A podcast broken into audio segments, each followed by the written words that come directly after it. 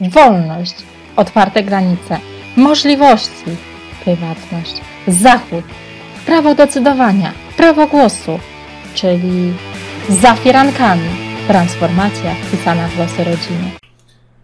Dzień dobry, witam wszystkich e, słuchaczy. Ja nazywam się Radosław Topa. Dzisiaj po drugiej stronie mikrofonu, może nawet nie po drugiej, tylko po tej samej, bo mam przyjemność się spotkać osobiście z moim dziadkiem Bertoldem Szwanem. Dzień dobry. Witam ma... mojego wnuczka. Dzień dobry dziadku, dzień dobry po raz drugi. I mamy dzisiaj przyjemność, mam dzisiaj przyjemność porozmawiać z moim dziadkiem na temat końcówki komunizmu i przemian, jakie miały miejsce, e, łączyły się z upadkiem komunizmu. Moim pierwszym pytaniem, e, dziadku, do ciebie jest takie, z czym ci się w ogóle kojarzy słowo komunizm? Co, co takiego jest charakterystycznego, że pierwsze ci przychodzi na myśl? No trudno powiedzieć. Samej, samej definicji komunizmu nie określę, ale mogę powiedzieć, że z komunizmem spotkałem się w wieku dziecięcym, można powiedzieć, mając niecałe 3, 4, 4 lata. Całe dzieciństwo, niecałe 3, 4, 4 lata. Całe dzieciństwo, można powiedzieć, spędziłem, spędziłem na wsi, na wiosce, z dala od, od wszystkich, z wszystkich mm, zabytków, może powiedz, powiedzieć nie zabytków, ale um, kina, teatrów i tak dalej. Do najbliższego miasta miałem 7 kilometrów, no to wiadomo jak to było. No dzieciństwo spędziłem w dzieciństwie, tak jak dzieci się bawią. Piłek nie było naturalnie, kopało się do szmacianki. Yy, pasło się bydło, krowy, kozy do późnej nocy nieraz, ale zawsze w towarzystwie, zawsze z piłką, byle jaką, ale grało się. Czyli wspominasz swoje dzieciństwo w komunizmie, e, że tak powiem, bardzo pozytywnie. No, trzeba pamiętać, że. Chodzi, że dzieciństwo zawsze każdy wspomina powiedz pozytywnie. Chyba, że jest w jakiejś specjalnej rodzinie i jest maltretowany i, i nie, nie, nie żyje tak, jak powinno dziecko się zachowywać i żyć, jak powinno. Rozumiem. A jak wspominasz bardziej dorosłe życie? No cóż, dorosłe życie. W wojsku służyłem. No tak, to, bo tutaj był chyba przymus, że każdy... To były, jeszcze były przymusy. W wojsku spędziłem dwa lata, pół roku na szkole podoficerskiej, na szkole... E, Oficerskiej, podoficerskiej, Momencie, momencie, momencie, jak to się nazywało? Technicznej Szkole, Szkole Wojsk Lotniczych. Mhm. Y, tam, tam wyuczyłem się, można powiedzieć, y, obsługiwałem, obsługiwałem w lotnictwie samoloty w kierunku radiowym. Mhm. E, i, e, I półtora roku w, pół, w pułku już na lotnisku. No cóż, wojsko wspominam, nie wspominam źle wojska. E, były różne sytuacje, ale nie było maltretowania, przeganiania, przynajmniej w jednostce, w której ja służyłem. No tak, bo tutaj się bardzo często wspomina, że była taka sytuacja, tak mieliśmy, zwana fala. Mieliśmy nieraz tak. Oczywiście, u nas tej fali nie było, owszem, były, była dyscyplina, ale fali nie było, nie, nie było prześladowań jednego do drugiego.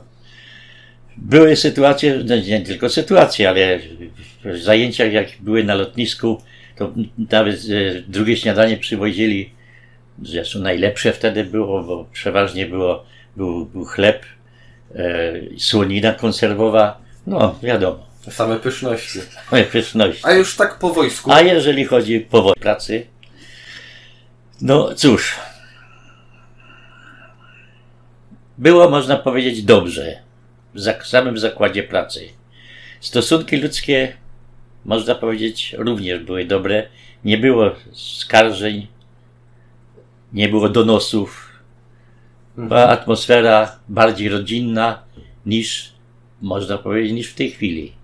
No tak, bo teraz się bardzo często spotykamy. Bo w tej chwili, tak, w tej w chwili. zakładach z tak zwanym wyścigiem szczurów, że jeden drugiego tak, zaczyna przeganiać. Tak, tak, tak. a kiedyś tak. raczej było na zasadzie takiej, że każdy musiał iść do pracy i w tej pracy pracował. Chociaż nie bez powodu też się wzięło przysłowie, czy się stoi, czy się leży, tysiąc złotych się należy. Więc niektórzy byli przymuszani i nie pracowali w takich zakładach. Tak, w, w miejscu, pracowałem w, w miejscu oddalonym, oddalonym od mojego miejsca zamieszkania 7-6 kilometrów. Były, e, wiadomo było, że, że swoich, swoich środków lokomocji jeszcze mało kto miał w tym czasie. To były lata 60., jak zacząłem pracować. No i była to bardzo dobra, bardzo dobra rzecz, że, że pracownicy byli, byli dowożeni z zakładowymi autobusami za y, bardzo, mal, bardzo malutkimi opłatami. No tak, tutaj dla osób, które z dalsza przyjeżdżały do pracy, to Jeżeli- to były pozytywne rzeczy. Jeżeli, jeżeli chodzi o jakieś, jakieś sprawy, no wiadomo, jak to było. Brak było wszystkiego. Brak, można jak to określone było, nagie haki i ocet.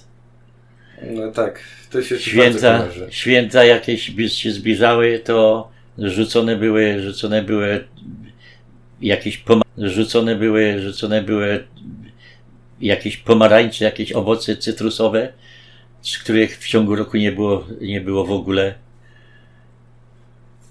Kawa do sklepów to przychodziła od czasu do czasu, przeważnie arabika, jeszcze, jeszcze do tego e, z zapachem, z zapachem pleśni O, to niezbyt. której, której nie szło w ogóle używać. A dziadek, sam wspomniałeś, że mieszkałeś y, na wsi. Powiedz mi, y, bo pewnie miałeś znajomych też w pracy z miasta i tak dalej.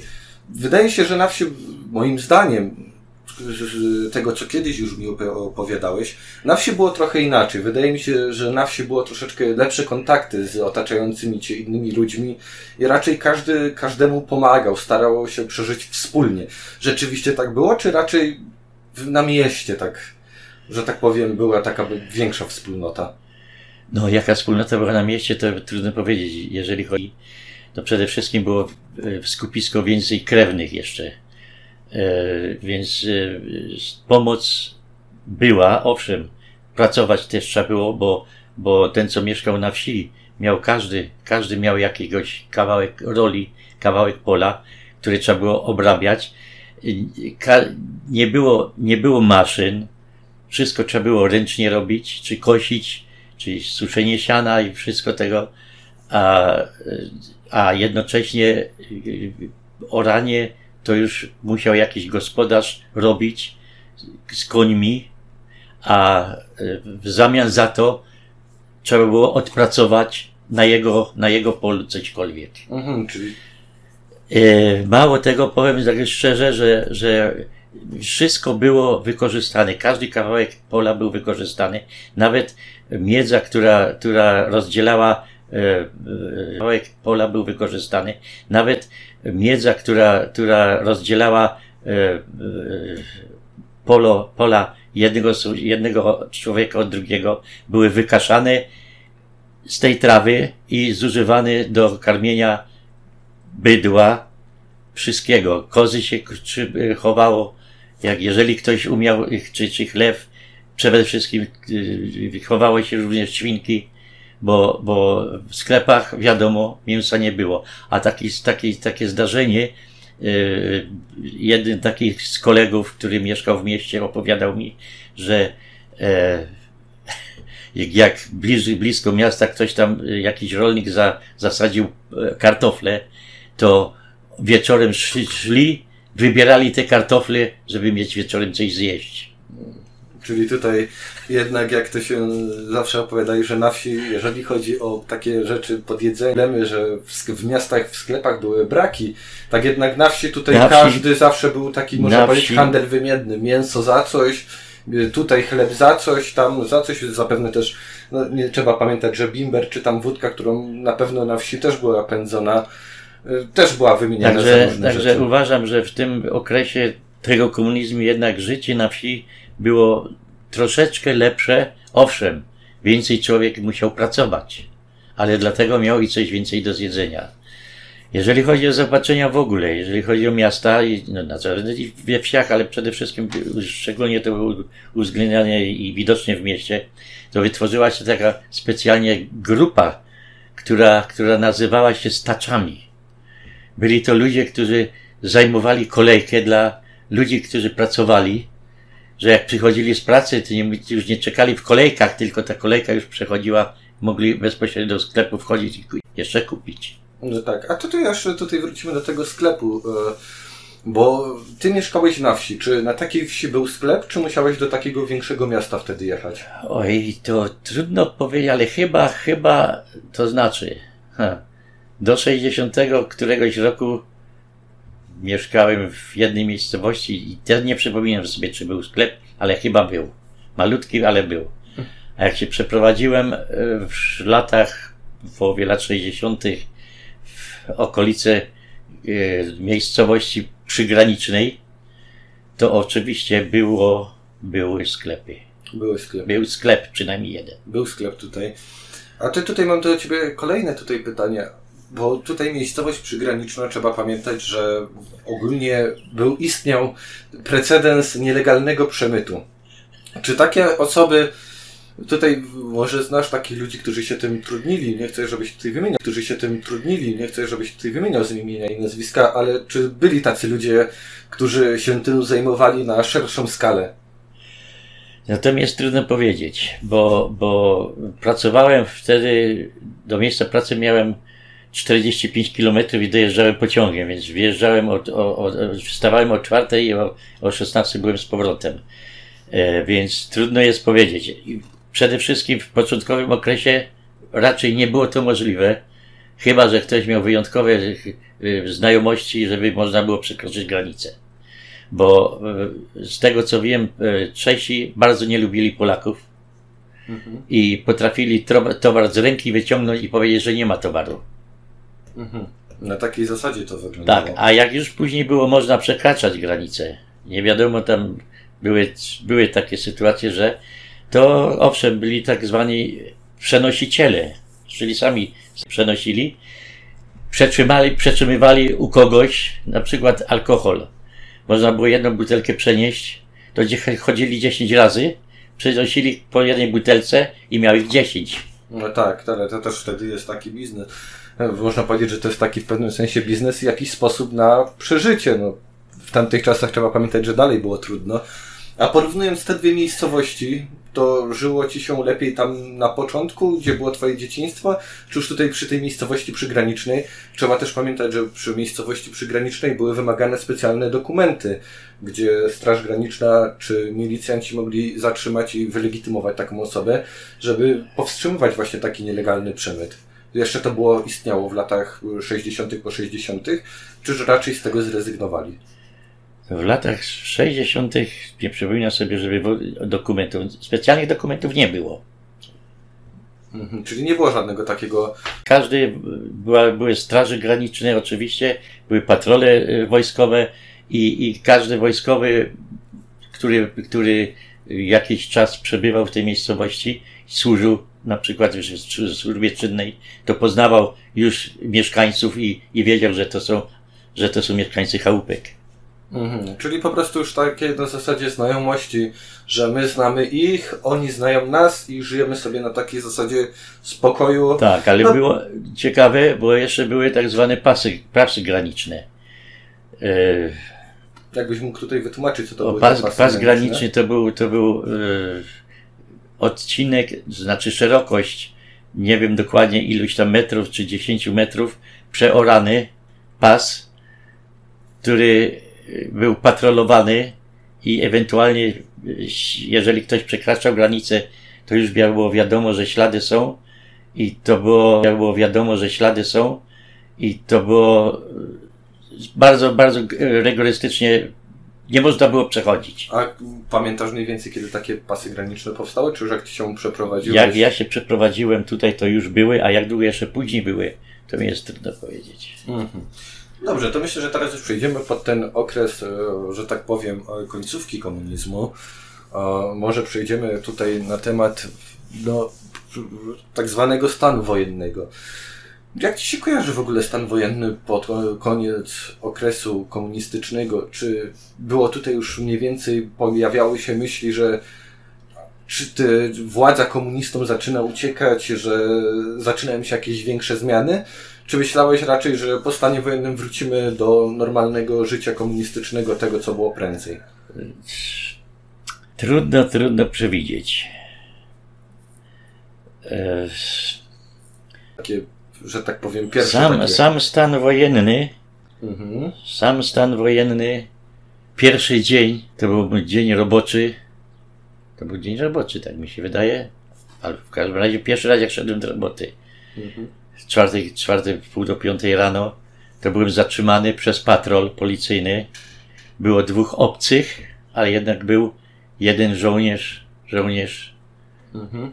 e, z, nasz, z naszej miejscowości, z naszej tej i zostałem w każdym razie legitymowany. Czy dowodu osobistego nie miałem przy sobie, bo nie wiedziałem, że stan wojenny się zaczął. No, tak byłeś w pracy chyba, czy dopiero Nie, wyruszałeś do, do pracy? do, do pracy wyruszałem. Wyruszałeś do pracy. No ale właśnie ten znajomy powiedział, że jestem z chałupek, więc miałem przejście dalsze do, do pociągu. Że miałeś zapewnione, Tak. że nie było takich. No a, a co ty? Stan wojenny. Stan wojenny. Owszem, był to wielki szok. Bo była to niespodziewana rzecz. Ale do, do wszystkiego można się, do, można się przyzwyczaić. A jak długo potrwa, to była zagadka. Co z tego dalej wyniknie, też była zagadka. Ale było, było wiadomo, że nie jest to jeszcze okres, w którym może dojść do zmiany ustroju. Mhm. To jeszcze nie był ten okres, kiedy może był takie to spojrzenie możliwe. A to ja mam tutaj to, takie już trochę kolejne już pytanie. Jak zareagowałeś dziadek na wieść, że doszło do upadku komunizmu? Czy było takie jakieś jedno wielkie wydarzenie, że upadek komunizmu, czy, czy miałeś związane z tym trochę strach, bo doszło wtedy do zmiany e, ustrojowej państwa, czy może e, ustrojowej państwa, czy może nadzieja, czy radość? Jakie to były związane z tym odczucia? No owszem, była, była, była radość, że jest zmiana, ale jednocześnie była również obawa, kiedy dojdzie do zmiany faktycznej, to znaczy zaopatrzenia, życia, rozrywek i tak dalej. Bo miałem porównanie, jak wygląda życie, jak wyglądało życie w komunizmie i jak wyglądało życie na Zachodzie. Mhm, no bo ty miałeś rodzinę na zachodzie. Tak, miałem rodzinę na zachodzie. Na, nadal masz rodzinę na zachodzie. Tak. I miałem, I miałem okazję również tam być. Mhm. I widziałem tę różnicę, więc była, była to kolosalna różnica. W, obecnie młodzież nawet nie może sobie wyobrazić tej różnicy, bo nie, wie, nie, wie, nie, nie może sobie wyobrazić, jak było za. Tutaj może dziadek taką masz, mm, że tak powiem, okazję. Jakbyś mógł swoimi słowami tak krótko opisać, jak wyglądało to życie. I tak z twojego To wspomnień znaczy- tutaj, tak jak było na początku. Czym się różnił w, tych, w okresie komunizmu zachód od wschodu? Yy, no, zachód od wschodu. Komunistyczna Polska od yy, zachodnich yy, Niemiec. C- Czym się to najbardziej różniło? No, oczywiście wiemy, że tam towary na pewno były, ale coś innego. Czy ludzie byli też inni? Towar, towar, jakość, jakość tych towarów, no, no, no, ogromna, ogromna różnica. Pod każdym względem. Jeżeli chodzi o, o stosunki międzyludzkie, to będąc na odwiedzinach tego nie można było rozróżnić. Owszem, nie było źle, ale niektórzy nie, nie mogli sobie, nie, nie wybrali sobie e, na przykład mieszkać tam. Y, no, Z mojej nawet bliskiej rodziny. Nie wyobrażali sobie tego. Nie wyobrażali sobie, żeby tam zamieszkać. A to, to tutaj mam jeszcze takie kolejne, tutaj mi się nasunęło pytanie. A jak to było z załatwieniem wyjazdu na zachód? Bo dobrze wiemy, to Ha. jako studenci historii mamy też bardzo dobrze przedstawiane, że no, były dosyć wielkie problemy, żeby komuniści się zgadzali na wyjazdy. Czy tak w rzeczywistości było? oczy- Czy... oczy- nie, był oczywiście. Składało się wniosek, jeden, drugi. Jak długo trzeba było czekać, no trudno powiedzieć. Albo się dostało, albo nie się nie dostało. To były takie szanse 50 na 50, obojętne od jakiego powodu. No, więcej szans było, to znaczy y, y, więcej było na nie niż na tak. Ale ten, co próbuje, Zawsze zyskuje. No i tutaj, tutaj dziadek się tobie akurat udało wyjechać tam do rodziny na zachód e, w odwiedziny. Oczywiście. E, w odwiedziny. Oczywiście. Przesłuchania najpierw jeszcze po co, na co i tak dalej. Trzeba było mieć zaproszenie, trzeba, trzeba było mieć e, na, na podróż, czyli, czyli z, z zachodu ktoś musiał przysłać pieniążki żeby była wiadomo, że, że, to, że to będzie stęd i, i no. no. Ciężko było, ciężko było, trzeba było to bardzo zorganizować. A to tutaj jeszcze mi się kolejne znowu pytanie nasunęło. A jak to wyglądało, bo na pewno część materiałów, część rzeczy tam zakupywaliście. Jak to wyglądało z powrotem? Czy można było coś przywieźć do Polski, czy raczej z gołymi rękami trzeba było wrócić e, z Niemiec? Czy może tego nie kontrolowali? To znaczy, kontrole były, ale można też było ich przywieźć. Były, były na pewno jakieś ograniczenia, nie można było, e, wiadomo, jakieś tam pornografię przywozić albo coś tego, które już na, na zachodzie były, ale z, z towarów, z, z ubrań, e, z jakiegoś jedzenia można było przywozić, tylko z kolei nie w celach handlowych, tylko dla, dla swoich potrzeb do mhm. zużycia. Czyli były jakieś tam ograniczenia i, ilościowe i, i przeprowadzane również były kontrole. Kontrole były przeprowadzane na, na granicy e, polskiej i niemieckiej, to znaczy niemieckiej enerdowskiej w ten czas mhm. jeszcze. Ale w zasadzie nie było problemów, żeby, żeby cokolwiek zabierali, jeżeli było wszystko ok. A to jeszcze takie szybko jedno takie pytanko. A podróżowało się raczej po prostu pociągami? Pociągami się podróżowało, tylko pociągami. Tylko pociągami, nie było żadnych też środków. No, auta jeszcze wtedy na pewno w Polsce było dosyć ciężko, a te auta trzeba pamiętać, że no, zapewne nie były takie, mało było odważnych, które wyruszali w podróż takimi autami na dalsze odległości. Chociaż już w latach, w latach, osi, początek lat 80., to już miałem samochód.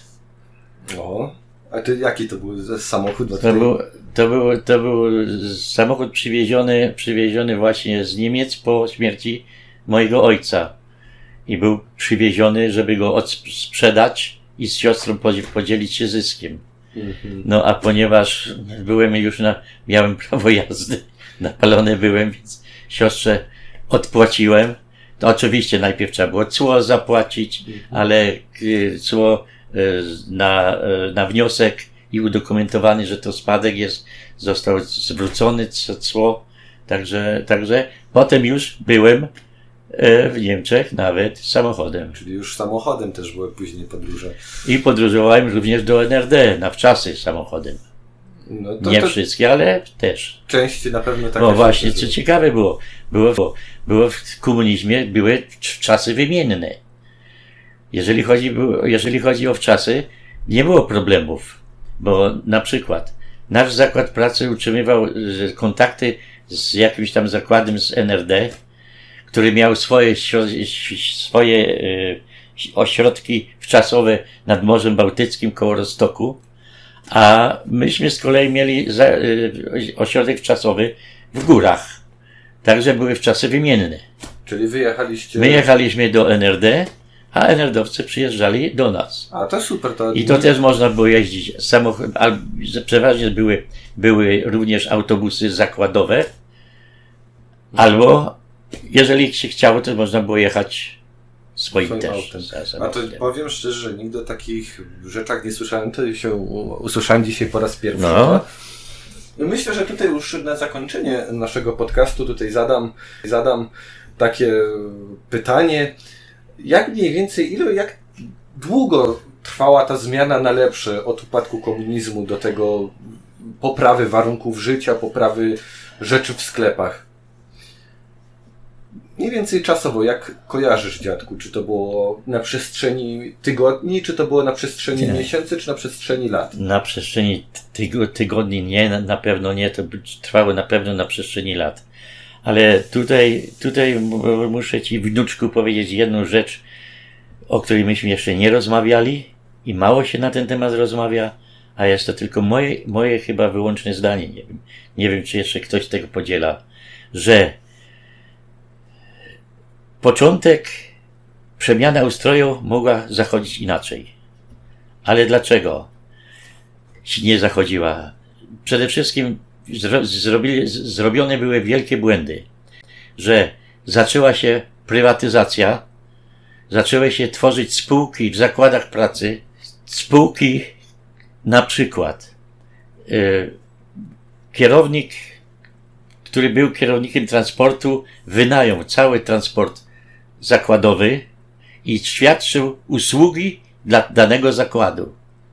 Wiadomo, że to dużo drożej było, a jednocześnie jako prezes, już był prezes, który automatycznie ustalili sobie skład, e, w, w, w, no, ustalali sobie Składki. wysokość, wysokość dochodów na poziomie dużo wyższym niż dyrektor zakładu, a jednocześnie dla niego ten kupowali, y, zde- y, dochodziło do tego, że niektóre maszyny były mniejsze maszyny do obrony. Jakiś tam tokarz odkupywał jako złom, domu robił i obrabiał detale dla zakładu. Mhm. Czyli na takiej to zasadzie tutaj uważasz, że... A to jakby to mogło być lepiej? Mało tego. Sam początek był zaniedbany całkowicie.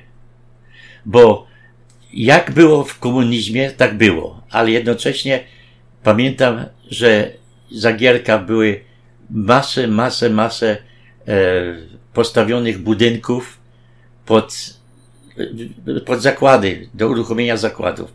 Były maszyny kupowane, a jednocześnie zas, całkowity zastój wpadł po, po dwóch, trzech latach było widać, że, że z rynien z tych, z tych zakładów, z tych budynków, z rynien y, brzuski już wy, wy, wy, wyrastają. Czyli to, co było zaczęte, wszystko spadło. Mhm. A mogło być, mogło być zainwestowane, znaczy inwestować, inwestować nie trzeba było, bo maszyny też już były, e, masę maszyn kupionych już było. Mhm. No tak Rozumiesz, o co mi chodzi? Rozumiem, o co chodzi.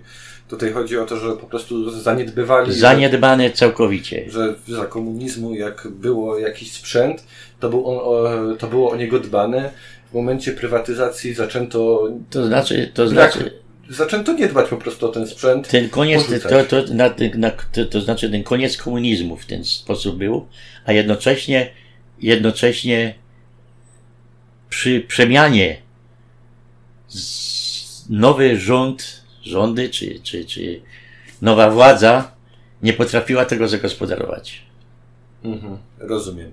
I tutaj już rzeczywiście ostatnie pytanko, bo, Bo- już się czas zbliża. Ale to jest tylko moje zdanie. o, oczywiście może- tutaj, może trzeba, tego- tutaj trzeba tego- zapamiętać. No. Tutaj już jest wszystko nagrane. E, I moje ostatnie pytanie. Czy samemu cieszyłeś się, że komunizm upadł? Oczywiście, Cieszyłeś się pełną sercem? oczywiście. Liczyłeś, że będzie lepiej, że będzie dużo lepiej, że po- poradzisz się Owszem, owszem, miałem zawsze pewne marzenia pod tym względem, ale y, jeżeli chodzi o technikę, zaszło to dużo dalej niż, niż ja przypuszczałem. No to się cieszę, że jednak to tutaj Marzyłem, marzyłem, marzyłem o tym, że, żeby y, można było z- podróżować y, po całej Europie, nie trzeba było do paszportu składać po każdej wizycie. Marzyłem o tym, żeby można było rozmawiać i widzieć się. Mhm. To No, były marzenia, w czasach pandemii to które- teraz akurat które, które w tej chwili się ziściły. się ziścił, a w czasach pandemii jeszcze tym bardziej, że można rozmawiać przez telefon Tak. i osób starszych, tak jak ty tutaj Oczywiście. jesteś, co jest naprawdę było bardzo dużą pomocą, bo Także, także moje marzenia z młodości spełniły się z nadwyżką. No to cieszę się, że jednak ta demokracja spisała się. I dziękuję wszystkim za wysłuchanie y, podcastu z moim dziadkiem, tutaj Bertoldem Szwanem. I zapraszam Was. Jeżeli masz jeszcze jakieś pytanie, to jeszcze proszę. Nie, już tutaj większość Okej. pytań nie mam. Już myślę, że wyczerpałem tutaj y, wszystkie rzeczy, y, wszystkie Nie. takie przygotowane Tak, pytania. nie jestem mówcą, nie, nigdy nie przemawiałem, także, także, o, Ale dziadku, dobrze Ci wyszło, dobrze Ci ze mną się rozmawiało. Dziękujemy wszystkim za uwagę.